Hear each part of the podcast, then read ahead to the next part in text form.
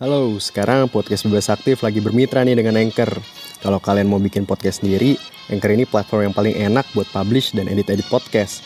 Apalagi Anchor ini 100% gratis.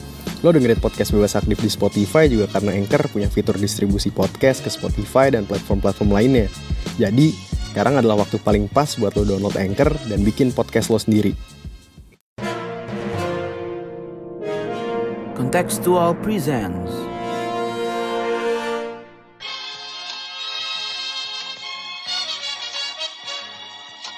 伟大、光荣、正确的中国共产党万岁！ Ladies and gentlemen, it was time to end a 20 year war. No one is safe until everyone is. The world is waking up and change is coming whether you like it or not. Selamat datang kembali di podcast Bebas Aktif. Season kedua, episode ke-14. Ada gue Raffi di sini dan ada Mas Abid. Halo Mas Abid, udah lama gak podcastan nih? Halo, ya lumayan lama ya. Gua sibuk healing gua kemarin-kemarin. Oh, healing beneran kan? healing beneran gua habis kena covid. Beneran. literal, literal. Literal healing. Gara-gara pesta sama Boris Johnson ya. Iya. Itu dia, dolarin Omikron. Tapi udah sehat ya Mas? Alhamdulillah. Lu gimana, Raf? Aman, aman, aman. Oke, selain Mas Abid juga ada Mas Sofwan di sini. Halo Mas, Halo, halo. kabar baik? Alhamdulillah. Siap. Oke, jadi di episode kali ini kita bakal ngebahas sesuatu yang lagi rame banget belakangan ini. Terakhir itu ada perdebatan soal ini, Gozali. Ini bukan anaknya Ahmad Dhani ya, tapi ada mahasiswa gitu yang ngejual foto selfie dia, foto selfie doang dalam, tapi bentuknya itu bentuk NFT, non-fungible tokens di sebuah marketplace namanya OpenSea. Nah, gue baca terakhir sih keuntungannya itu sampai 1,5 miliar rupiah ya, jadi gue lihat-lihat juga udah banyak seniman yang ngejual karya-karya mereka eh, pakai NFT gitu, musisi, pelukis gitu-gitu, terus Gubernur juga. gubernur juga Gubernur Pak juga. Ridwan Kamil ya. Terus cryptocurrency juga makin populer penggunaannya. Kalian berdua ada yang make cryptocurrency? Gue enggak sih. Gua gua ada, gua gua ada akun, gua punya wallet eh, coba-coba lah dari setahunan setahunan yang lalu cuma bukan untuk beneran yang invest gede-gedean atau main trading ya, tapi cuma buat pengen tahu aja gitu cara kerjanya kayak gimana karena ya ya di antaranya terkait kuliah gua juga sekarang gitu yang nggak terlalu HI tapi lebih ke mengenai internet studies jadi ya biar tahu lah Hmm. kalau orang ngomongin apa gitu. Menarik, menarik, menarik, menarik.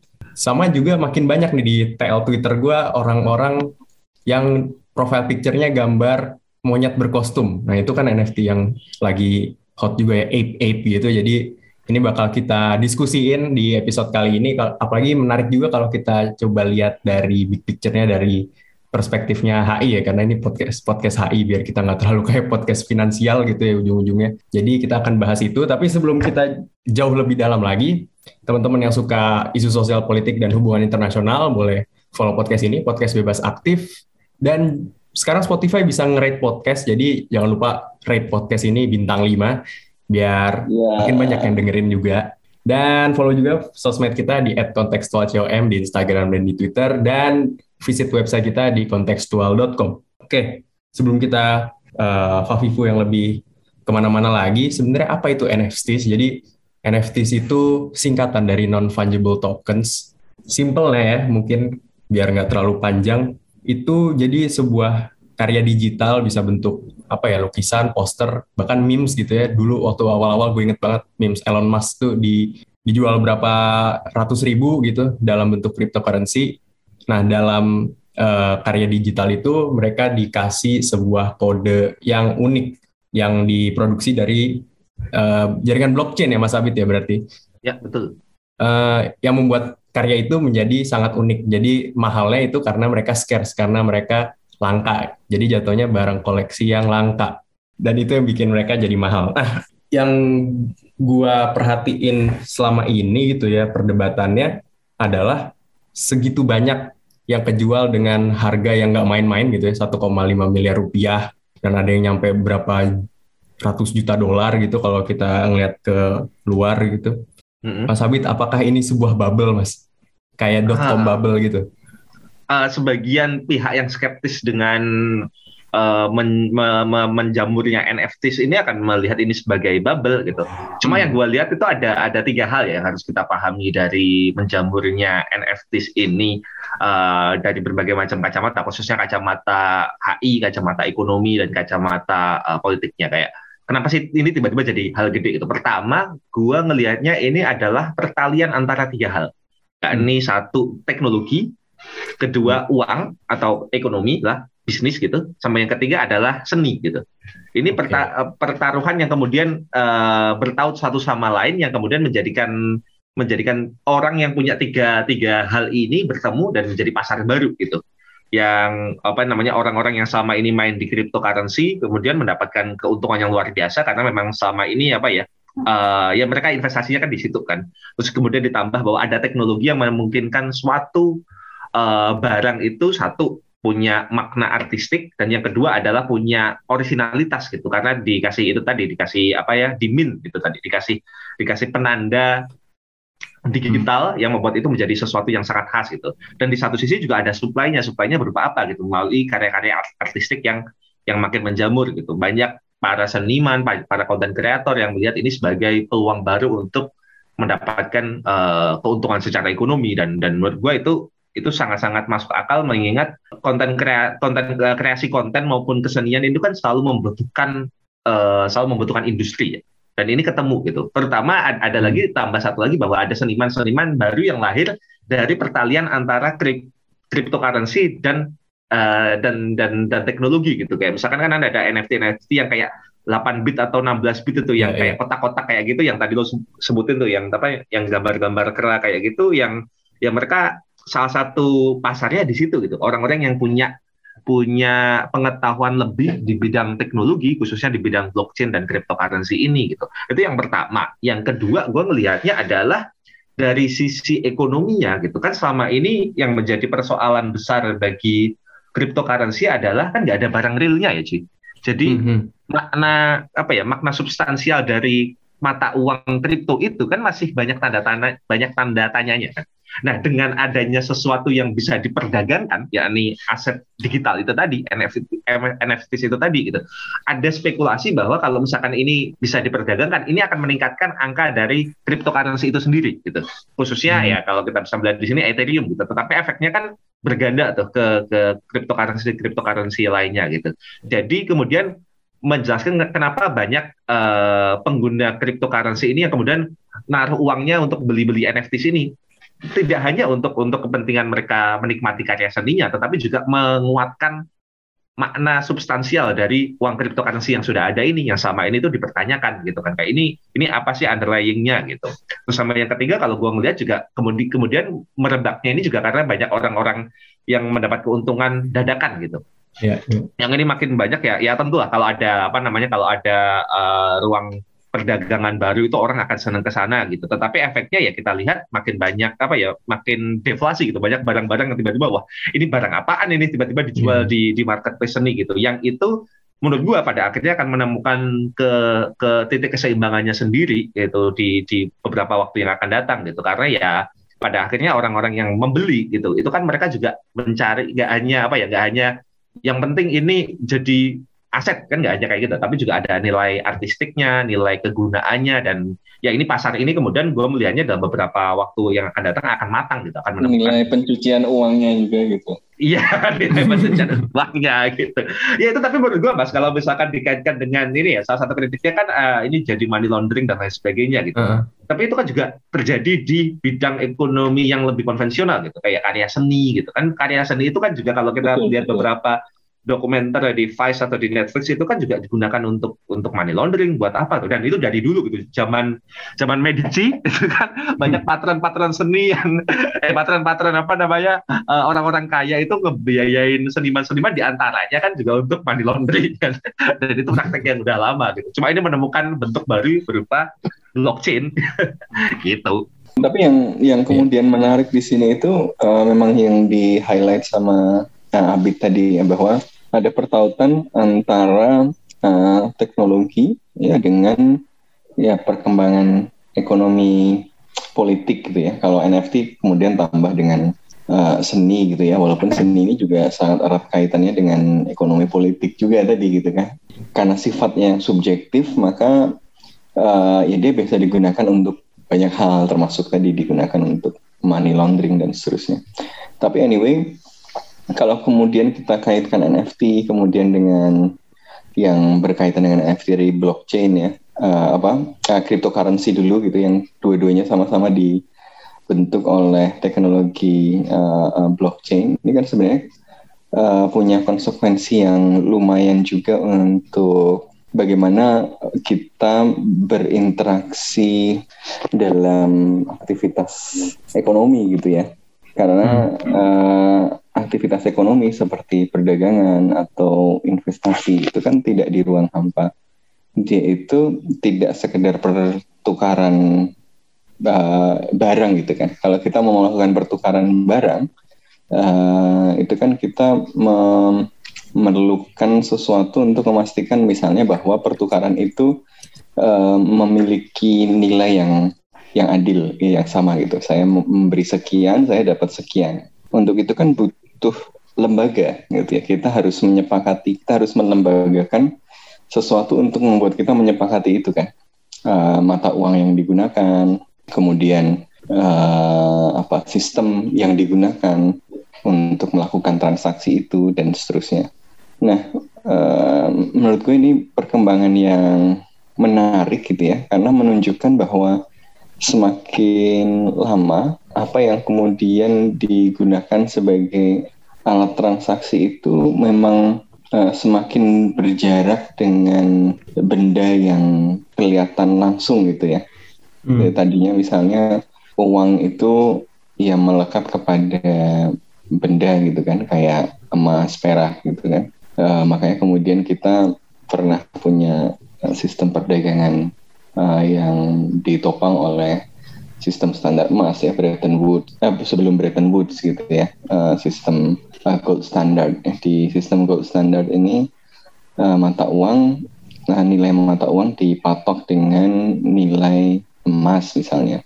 Ya karena asumsinya kan berarti uang itu uh, apa ya merepresentasikan nilai uh, emas tertentu itu gitu kan. Yang ini kemudian uh, collapse sampai kemudian perdagangan dunia uh, ambruk tinggal separuhnya gitu pada periode uh, di antara perang dunia uh, pertama dan perang dunia kedua ini. Kan menunjukkan bahwa adanya kesepakatan tentang alat uh, transaksi dan nilai dari alat transaksi itu menjadi penting gitu kan. Kalau perdagangan domestik itu lancar aja karena misalnya uang yang digunakan sama. Tapi perdagangan internasional uang yang digunakan beda. Bagaimana memastikan bahwa misalnya dolar ini nilainya sekian pound sterling atau dolar ini sekian rupiah gitu kan?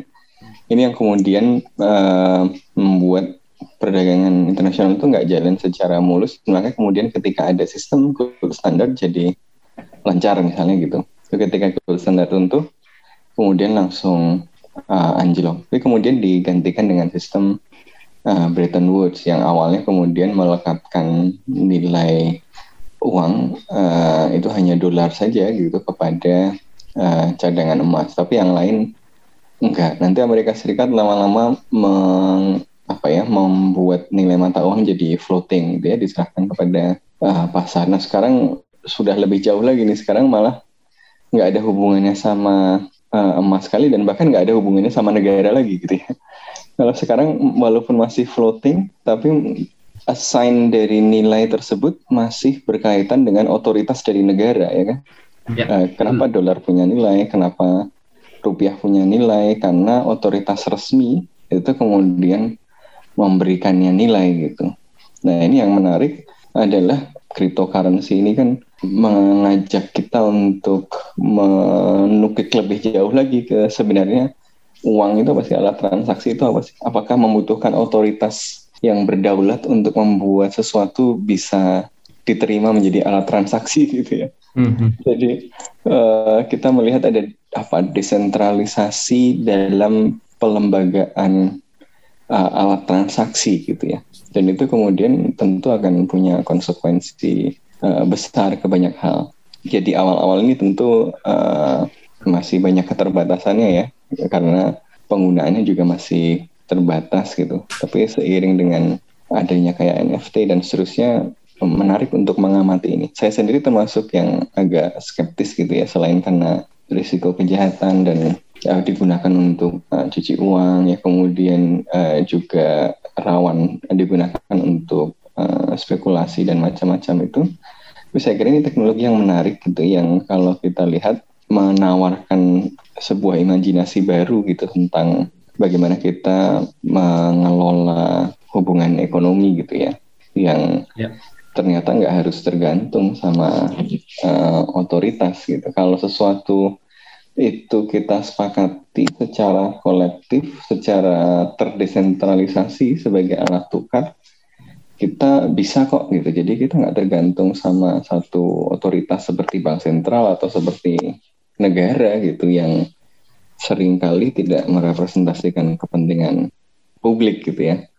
ada hal yang menarik tuh dari yang uh, Mas Sofan tadi sebutin gitu. Semakin majunya teknologi ini, makin orang itu jadi rada nggak terlalu percaya terhadap negara gitu. Atau sebenarnya bukan nggak terlalu percaya, tetapi men mencoba untuk meredefinisi relasi-relasi sosial yang sama ini itu ya kita kita take for granted gitu. Munculnya cryptocurrency dan hal-hal lain di sekitaran ini kan basicnya kan kenapa mereka ini ada itu kan karena basicnya satu kata kan trust kan ini sesama pengguna, sesama pengguna internet itu trust satu sama lain sehingga mereka mau apa ya, mau menukarkan uangnya, mau merubah asetnya, mau memperjualbelikan itu berlandaskan trust gitu. Itu sesuatu yang sangat-sangat apa ya, sangat-sangat uh, origin of human being gitu, sangat-sangat awal gitu dari dari umat manusia itu apa ya dasarnya dan itu juga dasar dari uang itu sendiri kan ketika kita menukarkan Betul. menukarkan uang yang biasa kita pakai ini kan dasarnya kan teras kan cuma terasnya itu ke siapa gitu ke negara ke bank sentral dan lain sebagainya bedanya kalau ini ada terasnya itu nih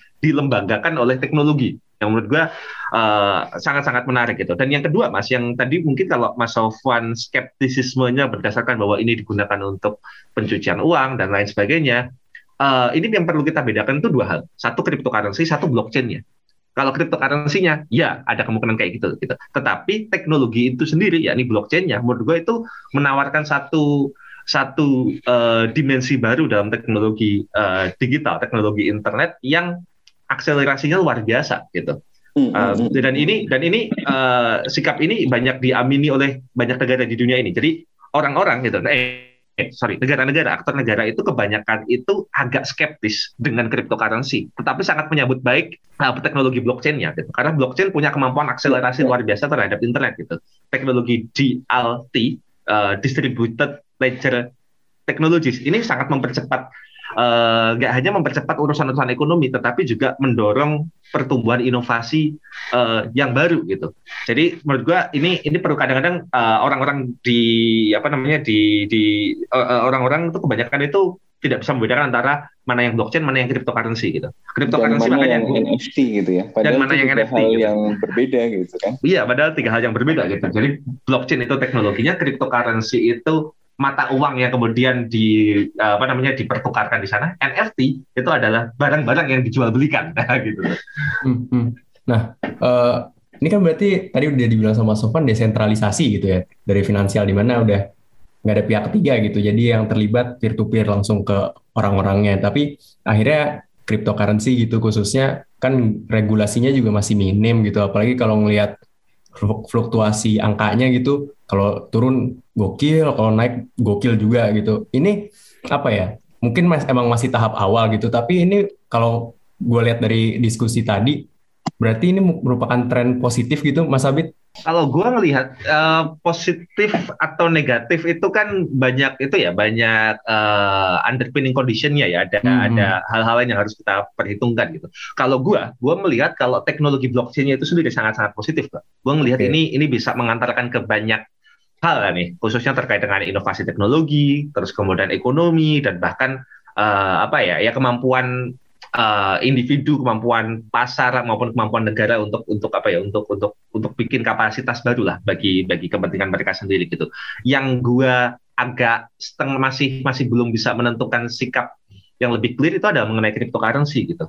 Hmm. Karena ya tadi Mas Sofan sangat tepat untuk mengindikasikan bahwa ada kemungkinan bubble, ada kemungkinan ini spekulasi yang luar biasa gitu.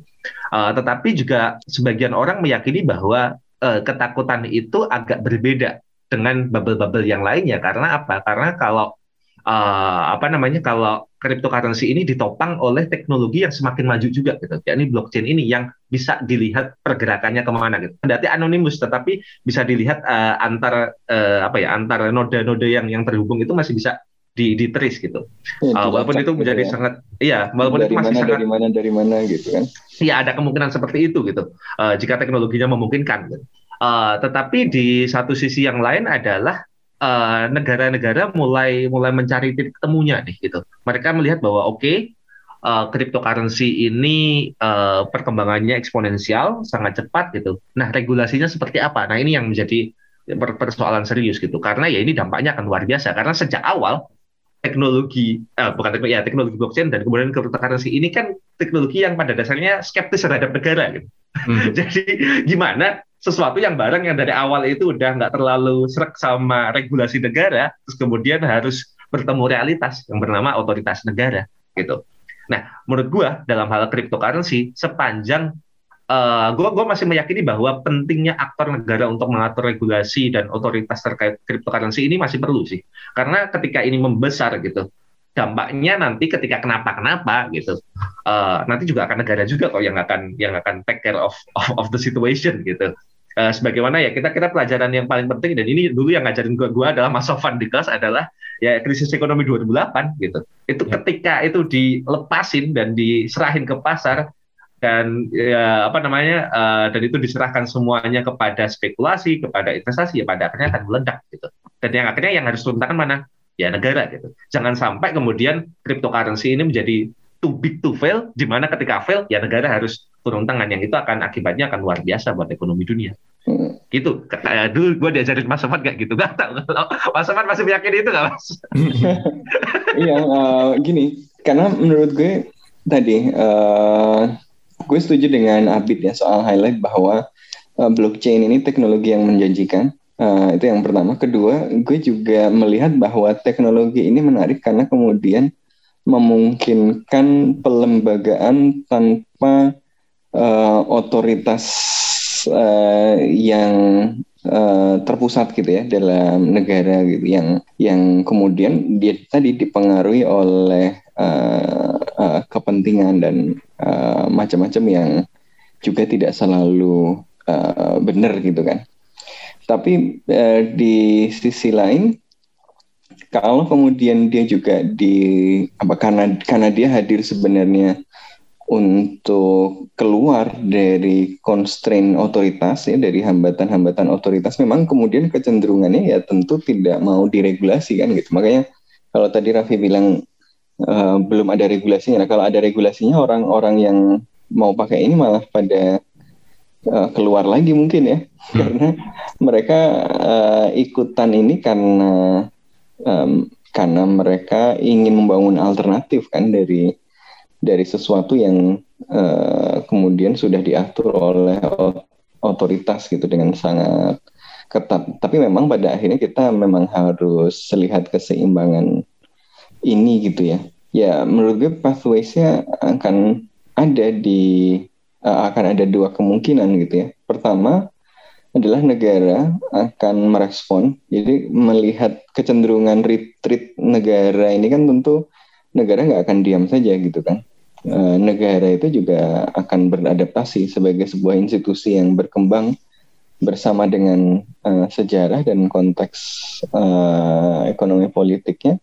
Negara pasti akan merespon. Gitu. Meresponnya bisa macam-macam ya. Ada yang gagap, ada yang ya gagap ini misalnya bingung gitu mau ngapain gitu. Ada yang sangat antusias walaupun nggak ngerti gitu ya makanya sudah pidato 4.0 metaverse Waduh, duh. walaupun belum ngerti sebenarnya itu apa gitu ya mungkin NFT, Bitcoin dan macam-macam.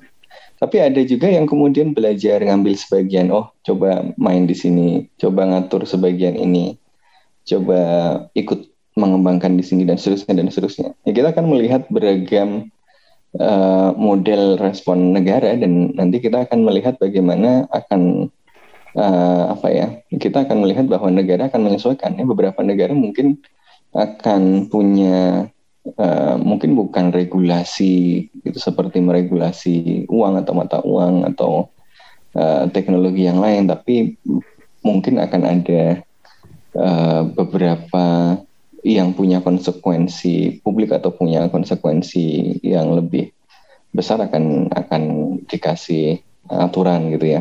Uh, di sisi lain, trajektori dari sisi uh, uh, teknologi maupun penggunanya sendiri, karena mereka juga tahu bahwa akan ada banyak penumpang gelap dalam teknologi ini, uh, secara kolektif supaya nggak diatur sama negara terlalu intrusif ya Hmm. mereka pasti juga akan mengembangkan teknologi untuk meyakinkan kepada masyarakat yang lebih luas, termasuk kepada kemudian negara gitu, bahwa negara nggak usah terlalu banyak campur tangan, tapi kepentingan uh, tadi publik tadi untuk mencegah uh, bahaya uh, bubble, untuk mencegah bahaya money laundering dan macam-macam itu secara kolektif uh, kemudian diupayakan pencegahannya di situ gitu loh, tanpa harus kemudian mengandalkan otoritas. Nah ini kita akan melihat kedua bagaimana kedua tren ini ber uh, berinteraksi gitu ya. Di satu sisi negara akan mencoba beradaptasi, uh, mencoba meminimalisir dampak yang dipersepsikan negatif oleh negara tersebut. Tapi di sisi lain juga si pengembang teknologinya dan penggunanya uh, tentu secara kolektif juga akan terus mengembangkan uh, teknologinya dan penggunaannya supaya dia bisa menjadi lebih uh, reliable gitu ya dan uh, tidak kemudian dimanfaatkan oleh penumpang-penumpang gelap yang tadi ya betul bisa memanfaatkan sistem seperti apa pun gitu ya. Jadi bukan bukan bitcoinnya atau bukan cryptocurrency-nya atau bukan NFT-nya saja yang bermasalah walaupun itu kemudian memunculkan platform baru untuk masalah-masalah itu gitu. Tetapi ya memang uh, ada kejahatannya itu uh, sendiri gitu ya yang uh, kemudian uh, si komunitas ini akan kalau komunitas ini memang didorong oleh motivasi untuk uh, menciptakan transaksi yang lebih uh, bebas yang tidak dikendalikan oleh otoritas gitu ya uh, sehingga mereka bisa lebih merdeka ya tentu mereka juga akan mengupayakan hal-hal itu gitu ya Uh, sebenarnya ada ada beberapa variasi respon negara terhadap perkembangan cryptocurrency maupun blockchain ini, mas. Ya, kalau gua boleh bikin tuh ada ada tiga tiga kategorisasi. Ya. Pertama itu model uh, El Salvador. Jadi El Salvador ini gokil banget cuy. Jadi mereka itu sangat-sangat hmm. reseptif terhadap terhadap cryptocurrency. Bahkan mereka itu per tahun lalu itu memperbolehkan uh, Bitcoin atau yeah. cryptocurrency itu dipakai untuk itu tender gitu. Jadi kalau lo bikin hmm. apa namanya punya uh, perusahaan konstruksi gitu mau bangun di sana, eh bayarnya pakai cryptocurrency sabi itu di sana tuh. Jadi mereka cukup cukup uh, apa ya reseptif lah terhadap terhadap terhadap uh, cryptocurrency ini. Walaupun kemudian di, di akhir tahun itu diprotes sama warganya gitu karena ya bikin agak bikin chaos sedikit lah di, di sana gitu. Uh, yang mereka mencoba untuk mengambil ini sebagai sebagai kesempatan gitu. Yang kemudian kalau nggak salah juga diikutin oleh Kuba. Kuba juga cukup Kuba. reseptif terhadap uh, terka, terhadap perkembangan cryptocurrency ini gitu. Yang kedua ada model uh, Tiongkok. Tiongkok ini menariknya adalah mereka kan melarang tahun lalu kalau nggak salah melarang uh, cryptocurrency di sana. Miningnya maupun tradingnya itu benar-benar di dibabat habis lah, ada crackdown yang luar biasa gitu. Tapi mereka mencoba untuk mulai investasi ke NFTs. Jadi ada sebuah, uh, eh, gue nggak tahu ya istilahnya BUMN atau apalah, pokoknya state-backed firm dari China itu yang sedang mengembangkan marketplace uh, di bidang NFTs ini gitu. Yang ini kan unik kan, mereka nggak mau cryptocurrency-nya tapi mau NFTs-nya. Artinya apa? Ada penerimaan terhadap blockchain-nya dan melihat bahwa NFT ini kemudian kemudian akan bisa jadi digital asset. Dan tahu nggak yang menarik adalah kemudian platform-platform uh, cryptocurrency itu akhirnya mau mengikuti requirement yang dibikin sama pemerintah Tiongkok. Ethereum hmm. dan beberapa uh, platform lain, uh, termasuk kalau nggak salah tuh BSC, itu juga mau akhirnya ngikutin maunya pemerintah Cina kayak apa. Terus akhirnya mereka mau untuk diatur uh, sama Tiongkok dan ini mereka sedang mengembangkan gitu bagaimana menciptakan cryptocurrency atau ya pokoknya transaksi uh, di blockchain yang tetap dikontrol oleh negara. Nah ini juga juga uh, perkembangan hmm. menarik gitu. Hasil kompromi gitu ya. Ya hasil kompromi gitu. Yang yang menariknya adalah yang mau berkompromi akhirnya adalah uh, dari pengelola cryptocurrency gitu. yang yang kita awalnya kan menduga bahwa wah ini orang-orang yang pengguna cryptocurrency blockchain ini akan sangat-sangat uh, apa ya rebel lah pokoknya. pokoknya nggak mau diatur gitu ya. Ternyata pada titik tertentu bisa bisa berkompromi gitu. Dan ini yang yang kemudian uh, melahirkan variasi yang ketiga. Uni Eropa belakangan ini itu me meluncurkan yang namanya itu Digital Service Act sama Digital Market Act. Jadi ini aturan hmm. yang berupaya untuk meregulasi uh, perdagangan di digital di dunia digital. Di antaranya itu uh, kalau saya nggak salah itu juga cukup uh, menyinggung terkait dengan cryptocurrency ini gitu. Nah bedanya adalah kalau cryptocurrency-nya uh, cara meregulasi Uni Eropa ini inginnya ini jadi masih masih di masih digodok. Ini adalah yang di yang dimintain pertanggungjawaban yang harus di help uh, accountable itu adalah penyedia platformnya gitu dan mereka diminta untuk kalau nggak salah ada ada, ada mekanisme gatekeeper gitu. Jadi uh, bukan hanya bu, jadi ketika mereka melihat bahwa kalau misalkan di di dikontrol benar-benar transaksi per transaksi ini akan gila sendiri gitu karena kan jumlahnya masif dan perkembangannya makin makin eksponensial gitu. Jadi yang bisa dipegang adalah uh, penyedia platformnya gitu. Sama kayak mereka ingin meregulasi uh, sosial media gitu. Sosial media yang dipegang bukan orang per orangnya, ya orang per orangnya ketika mereka udah apa has gone too far doing some crime and stuff itu mereka akan akan ditangkap juga gitu tetapi yang dimintain pertanggungjawaban paling utama adalah penyedia layanan nah artinya uh, hmm. tensi atau relasi antara uh, mereka yang meyakini dengan blockchain cryptocurrency dan lain sebagainya ini dengan negara vis-a-vis negara itu uh, nggak uh, selamanya rebel nggak selamanya kompromi dan nggak selamanya reseptif gitu. Jadi variasinya masih terus berlangsung dan kita masih akan melihat mana yang akan lebih kuat gitu? Atau ada respon lagi kah selain tiga itu? Nah patut kita lihat gitu. Nah Indonesia uh, gue iya, melihat gue gue belum banyak melihat mungkin Mas Sofan bisa bisa ngasih uh, pandangan terkait Indonesia kayak gimana karena di satu sisi ya kalau gue menangkap oh, kesannya oh, adalah karakter lain lagi itu responnya iya itu dia gitu karena belakangan ini kita mulai langsung masuk ke spanduk langsung masuk ke spanduk dan pidato pejabat nah. itu mungkin variasi baru ya. jadi apa ya? Jadi jadi retorika ya. Lumayan lah. karena karena menarik juga gitu karena beberapa waktu belakangan ini kan ini mulai diperbincangkan lagi gitu. Pak Jokowi juga menyebut metaverse gitu dan juga diikuti oleh pejabat-pejabat lainnya. Pak Ridwan Kamil pakai hmm. NFT dan lain sebagainya. Di satu sisi kita juga ada otoritas sosiokultural keagamaan yang juga punya concern di bidang cryptocurrency. Sejumlah lembaga kan menyebutkan yeah. bahwa cryptocurrency haram, gitu kan. Yeah, yeah, nah, yeah. ini akan menimbulkan variasi yang yang berbeda lagi menurut gua gitu, karena nggak bisa dipungkiri gitu. Indonesia tuh punya punya karakter lain gitu, yang nggak hanya ini urusan negara versus pasar, nggak hanya kayak gitu gitu. Ada aspek kulturalnya yang cukup melekat gitu. Nah, kita nanti bisa melihat bagaimana uh, dinamika ini akan berlangsung gitu. Dan gua gua penasaran sih akan akan kayak jadi apa gitu. Misalkan nih, misalkan negara memperbolehkan atau reseptif gitu, tetapi di satu sisi Majelis Ulama Indonesia menyatakan kalau ini haram gitu. Di satu sisi ada masyarakat yang nggak tahu nih harus kayak gimana nih, ada anak-anak muda yang ayo kita uh, investasi, ada yang namanya crypto evangelis. Ya. Sekarang wow. marak tuh istilah-istilah seperti itu ya.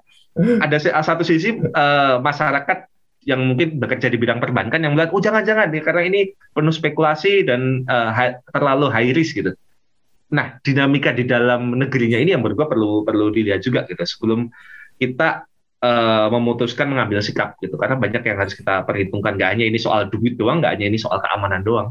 Iya, iya.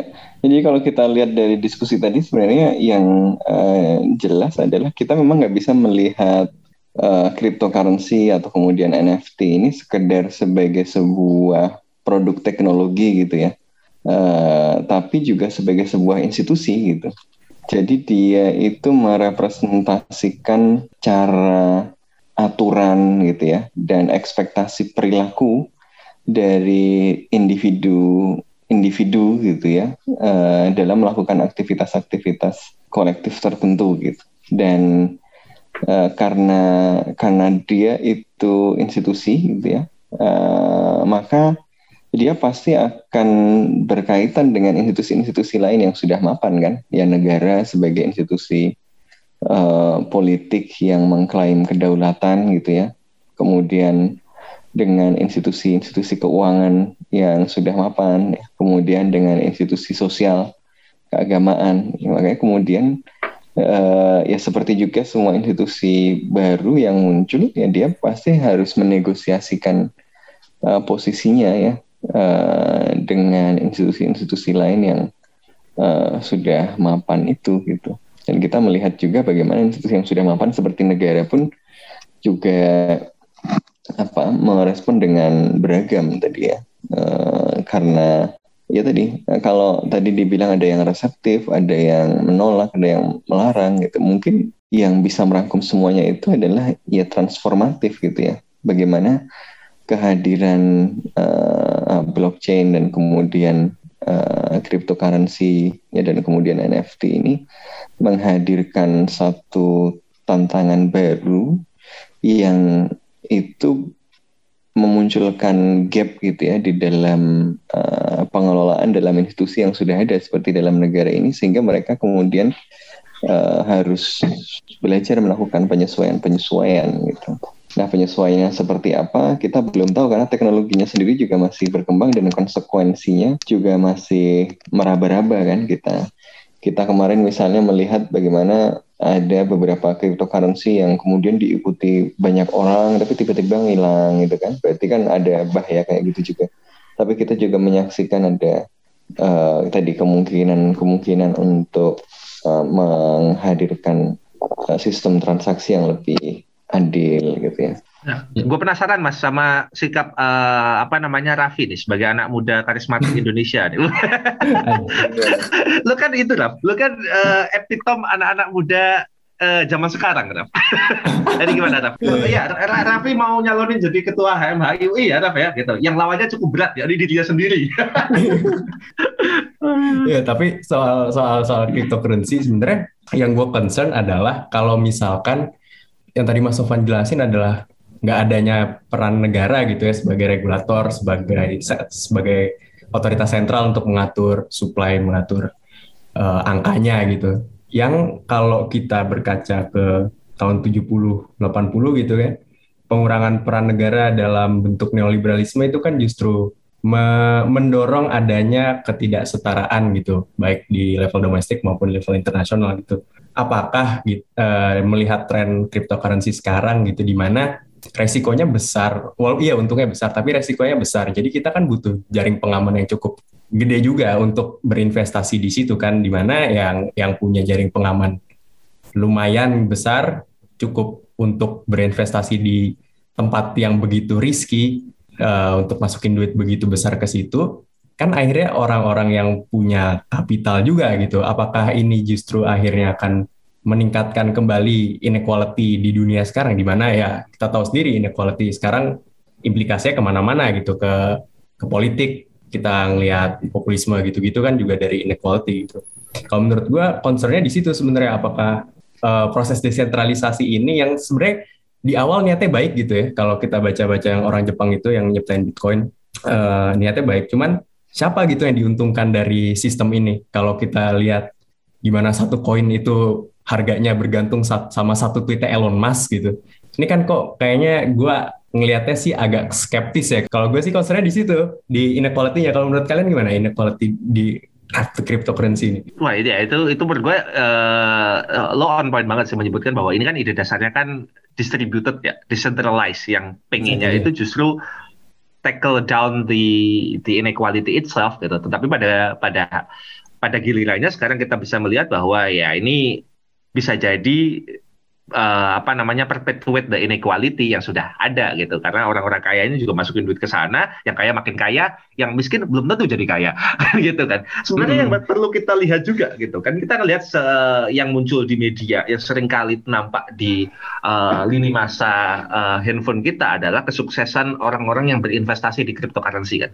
Jarang hmm. sekali orang yang meng-highlight yang gagal tuh berapa gitu. Dan dan belum ada kayaknya data yang yang memperlihatkan orang yang sekian itu untung, yang sekian itu nggak untung atau rugi banget gitu. Yang mm -hmm. itu mhm. kadang-kadang kita juga harus uh, kritis gitu. Uh, Oke, okay, kita boleh optimis dengan teknologinya, tetapi di setiap optimisme itu kita harus punya konsekuensi gitu. Kalau kenapa-kenapa kita juga harus sadar bahwa ya ini ini ini konsekuensinya dan apa yang harus kita lakukan. Jadi nggak hanya kita hanya ngelihat untungnya doang, tetapi juga ini akan menghasilkan apa gitu. Dan nggak hanya soal inequality secara ekonomi ya, Raf ya kalau gue lihat ya, Mhm. tetapi juga eh, dimensi sosialnya gitu. Pada titik tertentu gitu. Bahkan perdagangan yang sifatnya e-commerce eh, yang se- selama ini sudah kita lakukan, ini pada titik tertentu kan agak agak kurang memanusiakan manusia kan. Jadi kayak Iya, iya. pedagang itu di rating atau apa, jadi apa ya relasinya menjadi antar teks gitu.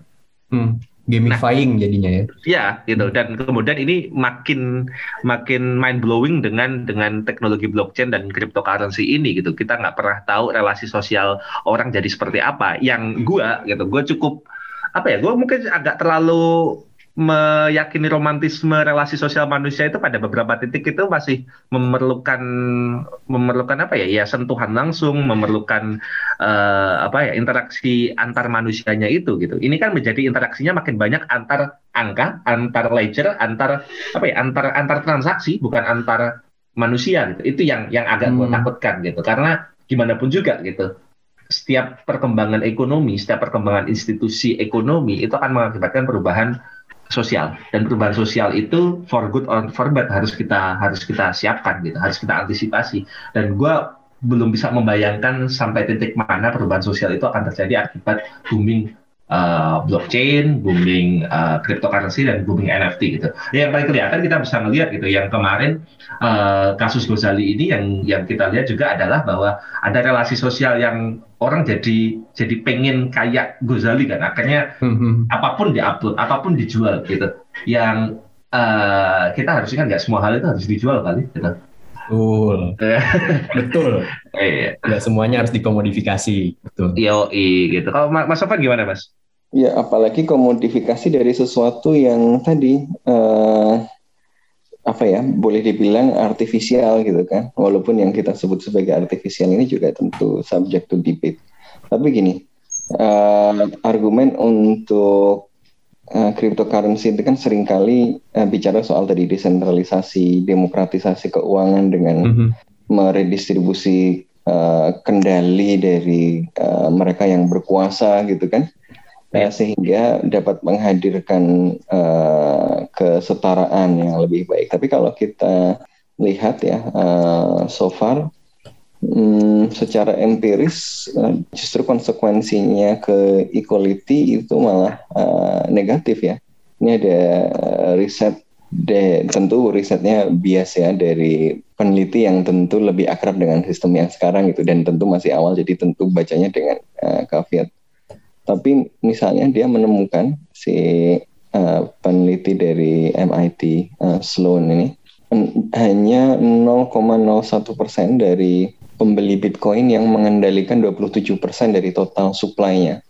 Hmm. Eh, sementara kalau dolar itu, kalau kekayaan apa yang konvensional gitu ya, satu persen ini hanya mengontrol sepertiga ya dari total kekayaan. Jadi eh, 0,01 ini lebih lebih kecil lagi gitu kan, dan lebih terkonsentralis terkonsentrasi lagi. Jadi eh, alih-alih mendesentralisasi power, dia mengkonsentrasi power karena nggak ada yang kemudian bisa memastikan bahwa ada redistribusi yang lebih adil gitu kan. Jadi ya kita juga harus ingat bahwa cryptocurrency ini muncul tidak dalam kondisi uh, vakum gitu. Ketika dia muncul sudah ada existing inequalities gitu kan. Yang Betul, betul. kemudian yang memanfaatkan yang bisa memanfaatkan jasa ini ya orang-orang yang literate kan secara uh, teknologi dan secara finansial gitu kan.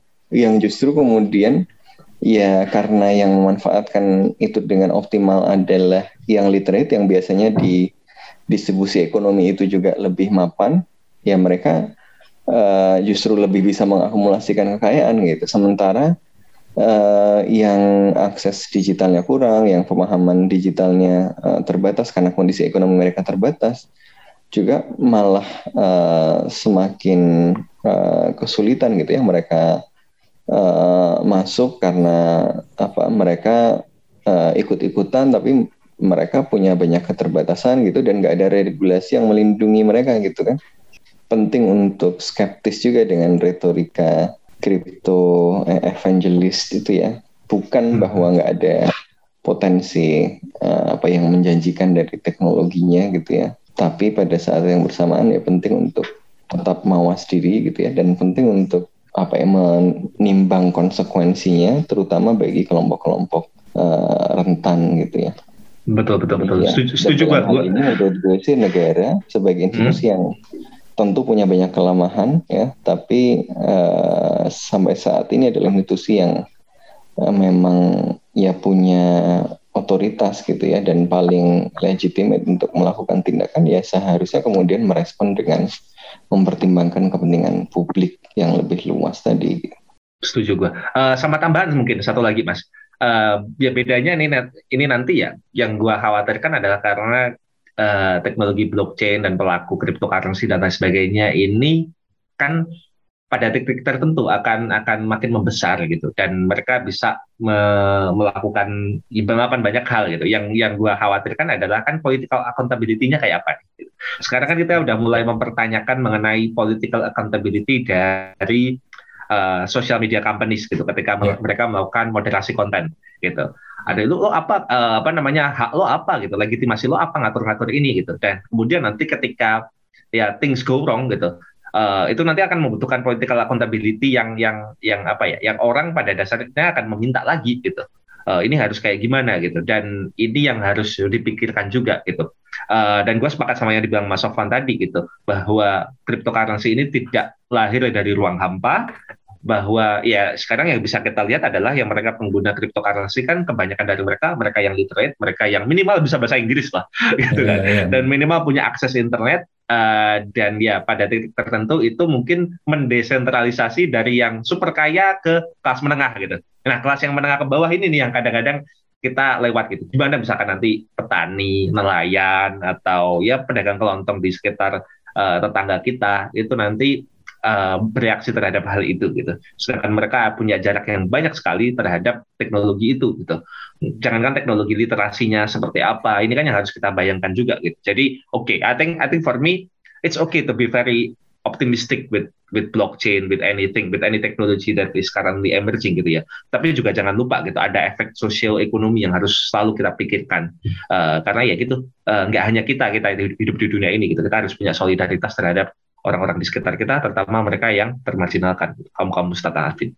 Hmm, benar, benar, benar. Apalagi kita kita dari tadi juga belum bicara akses gitu ya, apalagi di Indonesia gitu. Tapi itu mungkin di episode lain bisa kita bicarakan. Cuman biar kita nggak jadi podcast finansial, gue pengen uh, pengen apa uh, ngeliat big picture-nya juga dari level internasional gitu. Halo, sekarang podcast Bebas Aktif lagi bermitra nih dengan Anchor. Kalau kalian mau bikin podcast sendiri, Anchor ini platform yang paling enak buat publish dan edit-edit podcast. Apalagi Anchor ini 100% gratis. Lo dengerin podcast Bebas Aktif di Spotify juga karena Anchor punya fitur distribusi podcast ke Spotify dan platform-platform lainnya. Jadi, sekarang adalah waktu paling pas buat lo download Anchor dan bikin podcast lo sendiri. Mas Habib, gue, gue baca-baca artikel lo nih yang soal digital sovereignty NFT, crypto, blockchain itu kan berjalan di cyberspace gitu ya, di mana uh, idealnya sih nggak ada hier hierarki gitu. Uh, menurut, yang... Oh ideal menurut lo kayak gitu lah. harusnya gitu nggak sih? Apa cyberspace itu anarki, ya nggak sih? Di mana semuanya sama, yang nggak nggak ada yang jadi polisinya gitu. Walaupun ya realitasnya mungkin ag agak beda gitu. Cuman gue pengen tahu uh, sebetulnya tata kelola atau governance dari cyberspace ini gimana di di di level internasional karena setahu gue aturan yang ngatur soal ginian tuh masih minim ya nggak sih? Iya, uh, norma cyber itu masih sangat minim di dunia internasional gitu. Bahkan belum semua negara belum bersepakat atas apa yang mau diyakini gitu. Makanya sekarang uh, sejumlah negara-negara uh, besar berupaya untuk mempromosikan uh, norma cyber sehingga bisa diadopsi ke seluruh dunia uh, dan harapannya menciptakan kepastian hukum gitu. Karena negara selama ini melihat cyberspace ini selain peluang gitu dan mereka juga melihat ini sebagai sesuatu yang bisa memenangkan persaingan geopolitik gitu melalui teknologi 5G artificial intelligence pokoknya cyberspace lah. Itu tetapi juga di satu sisi ada risiko yang cukup besar risikonya itu tiga hal. Satu kontrol keamanan. Kedua kontrol uh, fiskal, ketiga kontrol moneter gitu. Karena ya kesusahan gitu kalau kita uh, negara itu kesusahan untuk menegakkan hukum di area cyber sekarang ini, terutama ketika uh, proses atribusi itu atau apa ya membingkai oh ini si pelaku kejahatannya ini itu tuh relatif lebih susah gitu. Mereka punya tantangan teknis mereka punya tantangan politis gitu. Hmm. terutama kalau itu terjadi di luar negeri gitu. Kalau di dalam negeri kalau sifatnya cybercrime gitu terkait dengan apa ya scamming dan lain sebagainya itu relatif sudah bisa ditangani oleh negara gitu. Negara sudah mulai menciptakan hukum terkait itu gitu. Jadi hukum yang bisa mengatur sekarang yang udah existing itu adalah hukum-hukum yang cybercrime, gitu. money laundry, terus kemudian uh, apa namanya uh, pendanaan terorisme itu sudah sudah mulai diatur dengan baik. Tapi levelnya kebanyakan itu domestik. Kalaupun ada yang nggak domestik, biasanya regional base. Kalau nggak regional base ya uh, alliance based. Gitu. Belum ada yang sifatnya global banget gitu. Uh, terus kemudian tantangan fiskalnya yaitu susah untuk menarik pajak. Gitu. Ini jadi permasalahan besar. Uni Eropa dan khususnya Perancis itu kan berupaya banget untuk narik pajak Google, Facebook dan beberapa perusahaan besar lainnya kan, mm-hmm. karena ya mereka beroperasi di luar teritori fisik negara dan itu tantangan besar gitu. Dan kemudian ada tantangan moneter juga gitu. Terutama kalau nanti ini kaitannya dengan itu tadi ya kalau masuk ke area uh, cryptocurrency gitu. Karena ada mata uang baru uh, nah ini masih bisa nggak menggunakan instrumen-instrumen moneter yang selama ini kita pahami uh, yang ada di di dunia saat ini. Ini kan jadi tantangan besar. Uh, lebih dari itu sebenarnya tantangan yang paling utama adalah ya kontrol politik gitu. Gimanapun juga negara itu punya mandat politik dari rakyatnya atau dari partainya tergantung bentuk negara lo kayak apa. Uh, dah itu uh, yang jadi persoalan. Uh, makanya negara berupaya untuk menarik kembali otoritas uh, cyberspace ini ke ke dalam ke dalam pangkuan mereka lagi gitu dengan dengan caranya masing-masing gitu. Cina dengan dengan fokus kepada kekuatan negaranya, ada Amerika yang tetap ingin ada sebagian kontrol tetapi lebih banyak diserahkan kepada pasar, ada juga uh, model Uni Eropa yang berupaya untuk menciptakan uh, cyberspace tetapi dengan European values lah, dengan tetap menghargai hak-hak individu, dengan menghargai uh, apa ya semangat anti monopoli misalkan dan hmm. ya semangat untuk tetap green economy. Ya gitu kan. Uh, Uni Eropa itu biasanya kayak gitu iya. gitu. Jadi yeah, yeah. ya ini masih masih ongoing dan ya, dan ada keinginan untuk negara itu mengontrol gitu. Indonesia hmm. juga uh, kan sedang berupaya untuk mendefinisikan kan. Ini kan juga menarik juga gitu. Gue juga penasaran dengan pendapatnya Mas Sofan gitu. Indonesia ini contoh yang menarik gitu. Di satu sisi ini negara merayakan sekali ekonomi digital gitu. Nah kan Betul. ini kan jadi agenda presidensi kita di G20 kan, Betul. dan disebut di mana-mana lah ya. Dan kita nggak memungkiri bahwa ya muncul startup, muncul unicorns dan lain sebagainya gitu. Secara ekonomi kita itu asik lah dengan dengan digital ekonomi gitu. Tetapi digital politiknya kita tuh yang masih berantakan banget gitu. Jadi jadi trajektori digital ekonomi kita itu bagus banget dan dirayakan, tetapi menutup mata kalau ada konsekuensi politik dan konsekuensi sosial dari uh, perubahan transformasi digital uh, yang muncul buzzer, muncul apa namanya, muncul uh, tindak-tindakan uh, kayak ya pinjol kayak gitu itu kan terjadi di cyberspace juga ya hmm. uh, dan kemudian apa ya represi atau internet cutdown gitu yang pernah terjadi di Papua uh, satu tahun atau dua tahun yang lalu ini kan terjadi juga kan artinya negara itu masih menselebrasi keberhasilan ekonomi tetapi masih belum tahu formula terbaik untuk mengelola uh, politik dan sosial akibat majunya cyberspace ini. Dan akhirnya kita masih belum punya strategi kedaulatan digital yang tepat gitu. Masih ya uh, masih ya pada akhirnya mencari uh, interpretasi terbaik dari Pancasila di cyberspace seperti apa. Kurang lebih kayak gitu. Ini analisis Abid nih gue agak sulit membedakan antara analisis apa sarkasme Abid.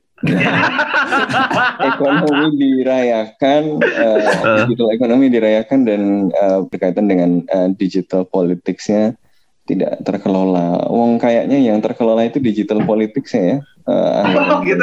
Macam-macam gitu kan yang dirayakan. Sementara uh, yang digital ekonomi kan uh, kebanyakan marketplace saja menghubung-hubungkan, jadi makelar digital aja kan. Uh, hmm. Itu pun modalnya uh, apa pusat kendalinya nggak banyak juga di Indonesia gitu ya. Mereka listingnya di mana di Singapura juga gitu. Uh, tentu itu hal-hal yang patut disyukuri sebenarnya ya kemajuan uh, ya startup-startup kita gitu. Tapi ini kan hanya gambar kecil dari gambar lebih besar tentang secara ekonomi menurut saya nggak juga sih kita celebrate itu dengan benar kecuali di pidato eh, dengan serius gitu ya kecuali di pidato-pidato uh, dan di baliho-baliho ya karena ya tadi kita uh, lihat bagaimana misalnya ekosistem inovasi itu tidak tertopang juga kan kalau misalnya beneran celebrating digital economy kan ekosistemnya harus ditopang dengan baik ya dengan uh, penciptaan ekosistem inovasi yang baik dengan uh, dukungan bagi talent-talent yang uh, sesuai gitu ya. Tapi ini kan nggak kelihatan di situ. Yang kelihatan memang ada retorika yang menunjukkan bahwa kita antusias dengan itu. Tapi seperti juga uh, semua retorika itu gitu ya, uh, yang penting adalah bagaimana retorika itu diterjemahkan dalam kebijakan kan dan itu kita belum belum lihat gitu ya bisa bisa saja bicara soal apa ibu kota baru nanti dibuat di metaverse, metaverse. gitu ya tapi ya KTP kita masih KTP uh, eh, fotokopian gitu kan kalau mau urusan masih lama dan seterusnya dan seterusnya ini kan ada gap antara retorika gitu jadi kalau uh, gue ya uh, melihat bahwa rasanya uh, tadi digital ekonomi juga nggak nggak celebrated amat gitu ya. Dia dipilih uh, secara selektif sebagai bagian dari retorika keberhasilan ekonomi, tapi sebenarnya wajah ekonomi kita itu masih ekonomi ekstraktif, ya ekonomi yang ditentukan oleh siapa yang menguasai konsesi, mengalokasikan APBN dan seterusnya gitu. Uh, lihat saja uh, struktur ekonomi kita gitu ya, dan digital ekonomi itu berkontribusi berapa persen dan pertumbuhannya seperti apa gitu ya. Ya yang dominan masih ekonomi ekstraktif gitu. Ya kan tadi gue bilangnya celebrated mas, bukan successful kan. Kalau yeah. successful indikatornya uh, lain lagi gitu. Gue bilangnya yeah, tadi yeah. kan di, dirayakan ya. Iya dirayakan karena itu bagian dari retorika ya. ya gitu. Ya, kalau boleh komentar, uh, bagaimana Indonesia merespon Indonesia itu harus dilihat sebagai uh, theater state kan negara Betul. teater gitu kan. Yang penting kelihatan keren gitu tapi gini mas, tapi gini mas, gue gue gue juga harus bersikap adil juga gitu. Artinya nggak bisa dipungkiri gitu kehadiran e-commerce, kehadiran digital ekonomi di Indonesia itu banyak membantu masyarakat di betul, betul. di level menengah ke bawah gitu. Gimana pun juga selama pandemi kemarin itu di antaranya jadi denyut nadi ekonomi Indonesia gitu. Uh, UMKM ya, UMKM ya. kan banyak terbantu dengan itu gitu. Minimal kalau itu tidak terkonversikan menjadi angka, tetapi itu mempunyai konversi kualitatif gitu di di kalangan masyarakat gua rasa mereka sangat terbantu terus terus kemudian betul, dengan betul. apa nama apa namanya dengan uh, Gojek atau uh, ya aduh nyebut merek lagi apa apa deh Gojek Grab dan lain sebagainya itu kan juga lumayan membantu gitu dan kemarin juga cukup jadi denyut tadinya maksud gua adalah ya itu belum bisa terkonfirmasi terkonversi secara ekonomi belum mengubah struktur ekonomi kita secara masif tetapi pada titik tertentu ada hal-hal yang harus gue apresiasi. Iya, gitu. jadi dan, masalahnya kan standar hmm. parameternya gitu. Iya, iya. Uh, ada kita mengukurnya dari apa proyeksi uh, tadi ideal gitu ya dampak strukturalnya atau mengukurnya dari ada manfaatnya nggak gitu. Hmm. Ya kalau ada manfaatnya ya pasti ada manfaatnya dan makanya tadi saya juga bilang uh, kita perlu mensyukuri gitu ya dan mengapresiasi gitu. Tetapi ya ini tidak boleh kemudian mem membuat kita abai bahwa realitas ekonomi kita itu ya masih didominasi oleh ekonomi ekstraktif yang ditentukan oleh ya relasi politik gitu ya relasi dan dominasi uh, ekonomi politik segelintir uh, elit gitu kan yang uh, kemudian in turn uh, melanggengkan posisi Indonesia uh, dalam pembagian kerja internasional uh, sebagai ya penyedia uh, raw material saja gitu. Nah ini kalau benar kita mau keluar dari kondisi ini ya kita harus lebih serius gitu. Jadi ini tadi bukan untuk ah kalau begitu nggak usah nggak usah mendorong dan apa merayakan ekonomi digital justru supaya kita lebih serius dan lebih tulus merayakan ekonomi digital tidak hanya ditempel di baliho-baliho tapi beneran yuk bisa yuk gitu ya yuk kita beneran bangun ekosistem inovasi yang bagus yuk beneran yuk eh, kita bikin kebijakan yang bukan bangun bangunan gitu, tetapi bangun ekosistem, bangun orang, bangun uh, iklim yang kondusif gitu ya, yang kemudian memunculkan benar-benar uh, inovasi-inovasi yang membawa kita menangkap nilai tambah yang besar dalam ekonomi digital itu. Ya, dengan kata lain memahami digital ekonomi itu nggak hanya boleh dengan kata alhamdulillah tetapi juga dengan bismillah ya Mas. Jadi harus kita dorong lagi. Oke oke oke oke. Eh, Kayak terakhir deh terakhir terakhir. Gue menutup dengan ini sih dengan proyeksi trajektori gitu ke masa depan. Jadi gue gua baca artikel di mana gitu ya, pokoknya tentang judulnya Teknopolar apa gitu ya, nulis Ian Bremer. Dia bilang uh, posisi big tech atau peran big tech gitu ya. Kan kalau kita bicara ruang cyber, kita bicara big tech juga. Facebook, eh sorry, Meta, Meta, Alphabet, Google. Kalau di Indonesia mungkin Gojek, Grab, dan teman-temannya gitu udah punya kuda kuda-kuda yang kuat gitu di di dalam negara dan bahkan sampai me mengaruhi kebijakan negara untuk menguntungkan mereka gitu. Dalam kasus Indonesia mungkin orangnya jadi menteri. Nah kalau kalau Ya, kalian lo di blacklist sama perusahaannya lo, nah, hati-hati lah. apa nah, nah dalam dalam dalam kondisi yang kayak gini dengan konteks kayak gini tren di mana hype soal tech itu benar-benar kenceng gitu ya. Kak Sabit ngeliat masa depan eh, posisi negara dalam dalam apa ya dalam percaturan cyber ini gimana sih akan semakin berkurang, akan semakin kenceng kah atau bakal kolaborasi nih berdua nih? Mungkin gua gua spesifikin dalam kasus Indonesia aja kali ya. Kalau Boleh, ngomongin boleh. dunia itu terlalu besar lah gitu. Eh, mungkin singkatnya adalah bahwa gua akan melihat bahwa Indonesia eh, akan yaitu tadi meneruskan meneruskan apa yang terjadi sekarang gitu. Ada keinginan untuk mengelola eh, mengelola ranah cyber ini dan semua orang sudah meyakini ini minimal sudah jadi diskursus bersama bahwa pengelolaan cyber space eh, yang diatur oleh negara itu diperlukan gitu. Tetapi diperlukannya itu pada bidang apa, seberapa jauh dan eh, seperti apa. Ini yang yang menjadi pertanyaan serius itu. Kalau yang gue harapkan idealnya adalah negara ini nggak hanya merayakan yang tadi bahasa gue adalah menselebrasi uh, digital ekonomi, tetapi juga benar-benar punya komitmen lebih gitu terhadap inovasinya gitu. Jangan hanya men- menjadi konsumen dan menggerakkan gig ekonominya aja, tetapi juga kita punya inovasi sendiri, kita jadi produsen teknologinya juga gitu. Dan di satu sisi kita juga harus menerima bahwa perubahan teknologi dan uh, manfaat atau dividen dari uh, digital ekonomi ini akan punya dampak sosial dan politik gitu. Warganya jadi pinter-pinter, warganya jadi kritis-kritis, warganya menghendaki demokratisasi yang lebih lagi, warganya jadi semakin benci terhadap korupsi.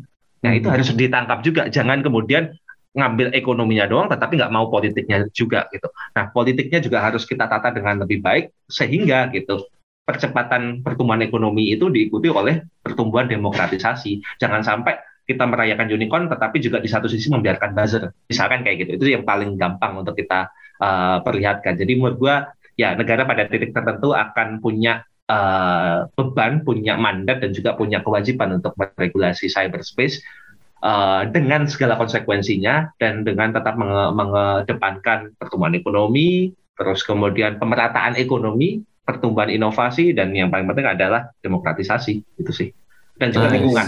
gue gue khawatir tadi setelah ngomong pertumbuhan ekonomi, pemerataan ekonomi dan stabilitas politik gitu. Trilogi pembangunan. Trilogi pembangunan.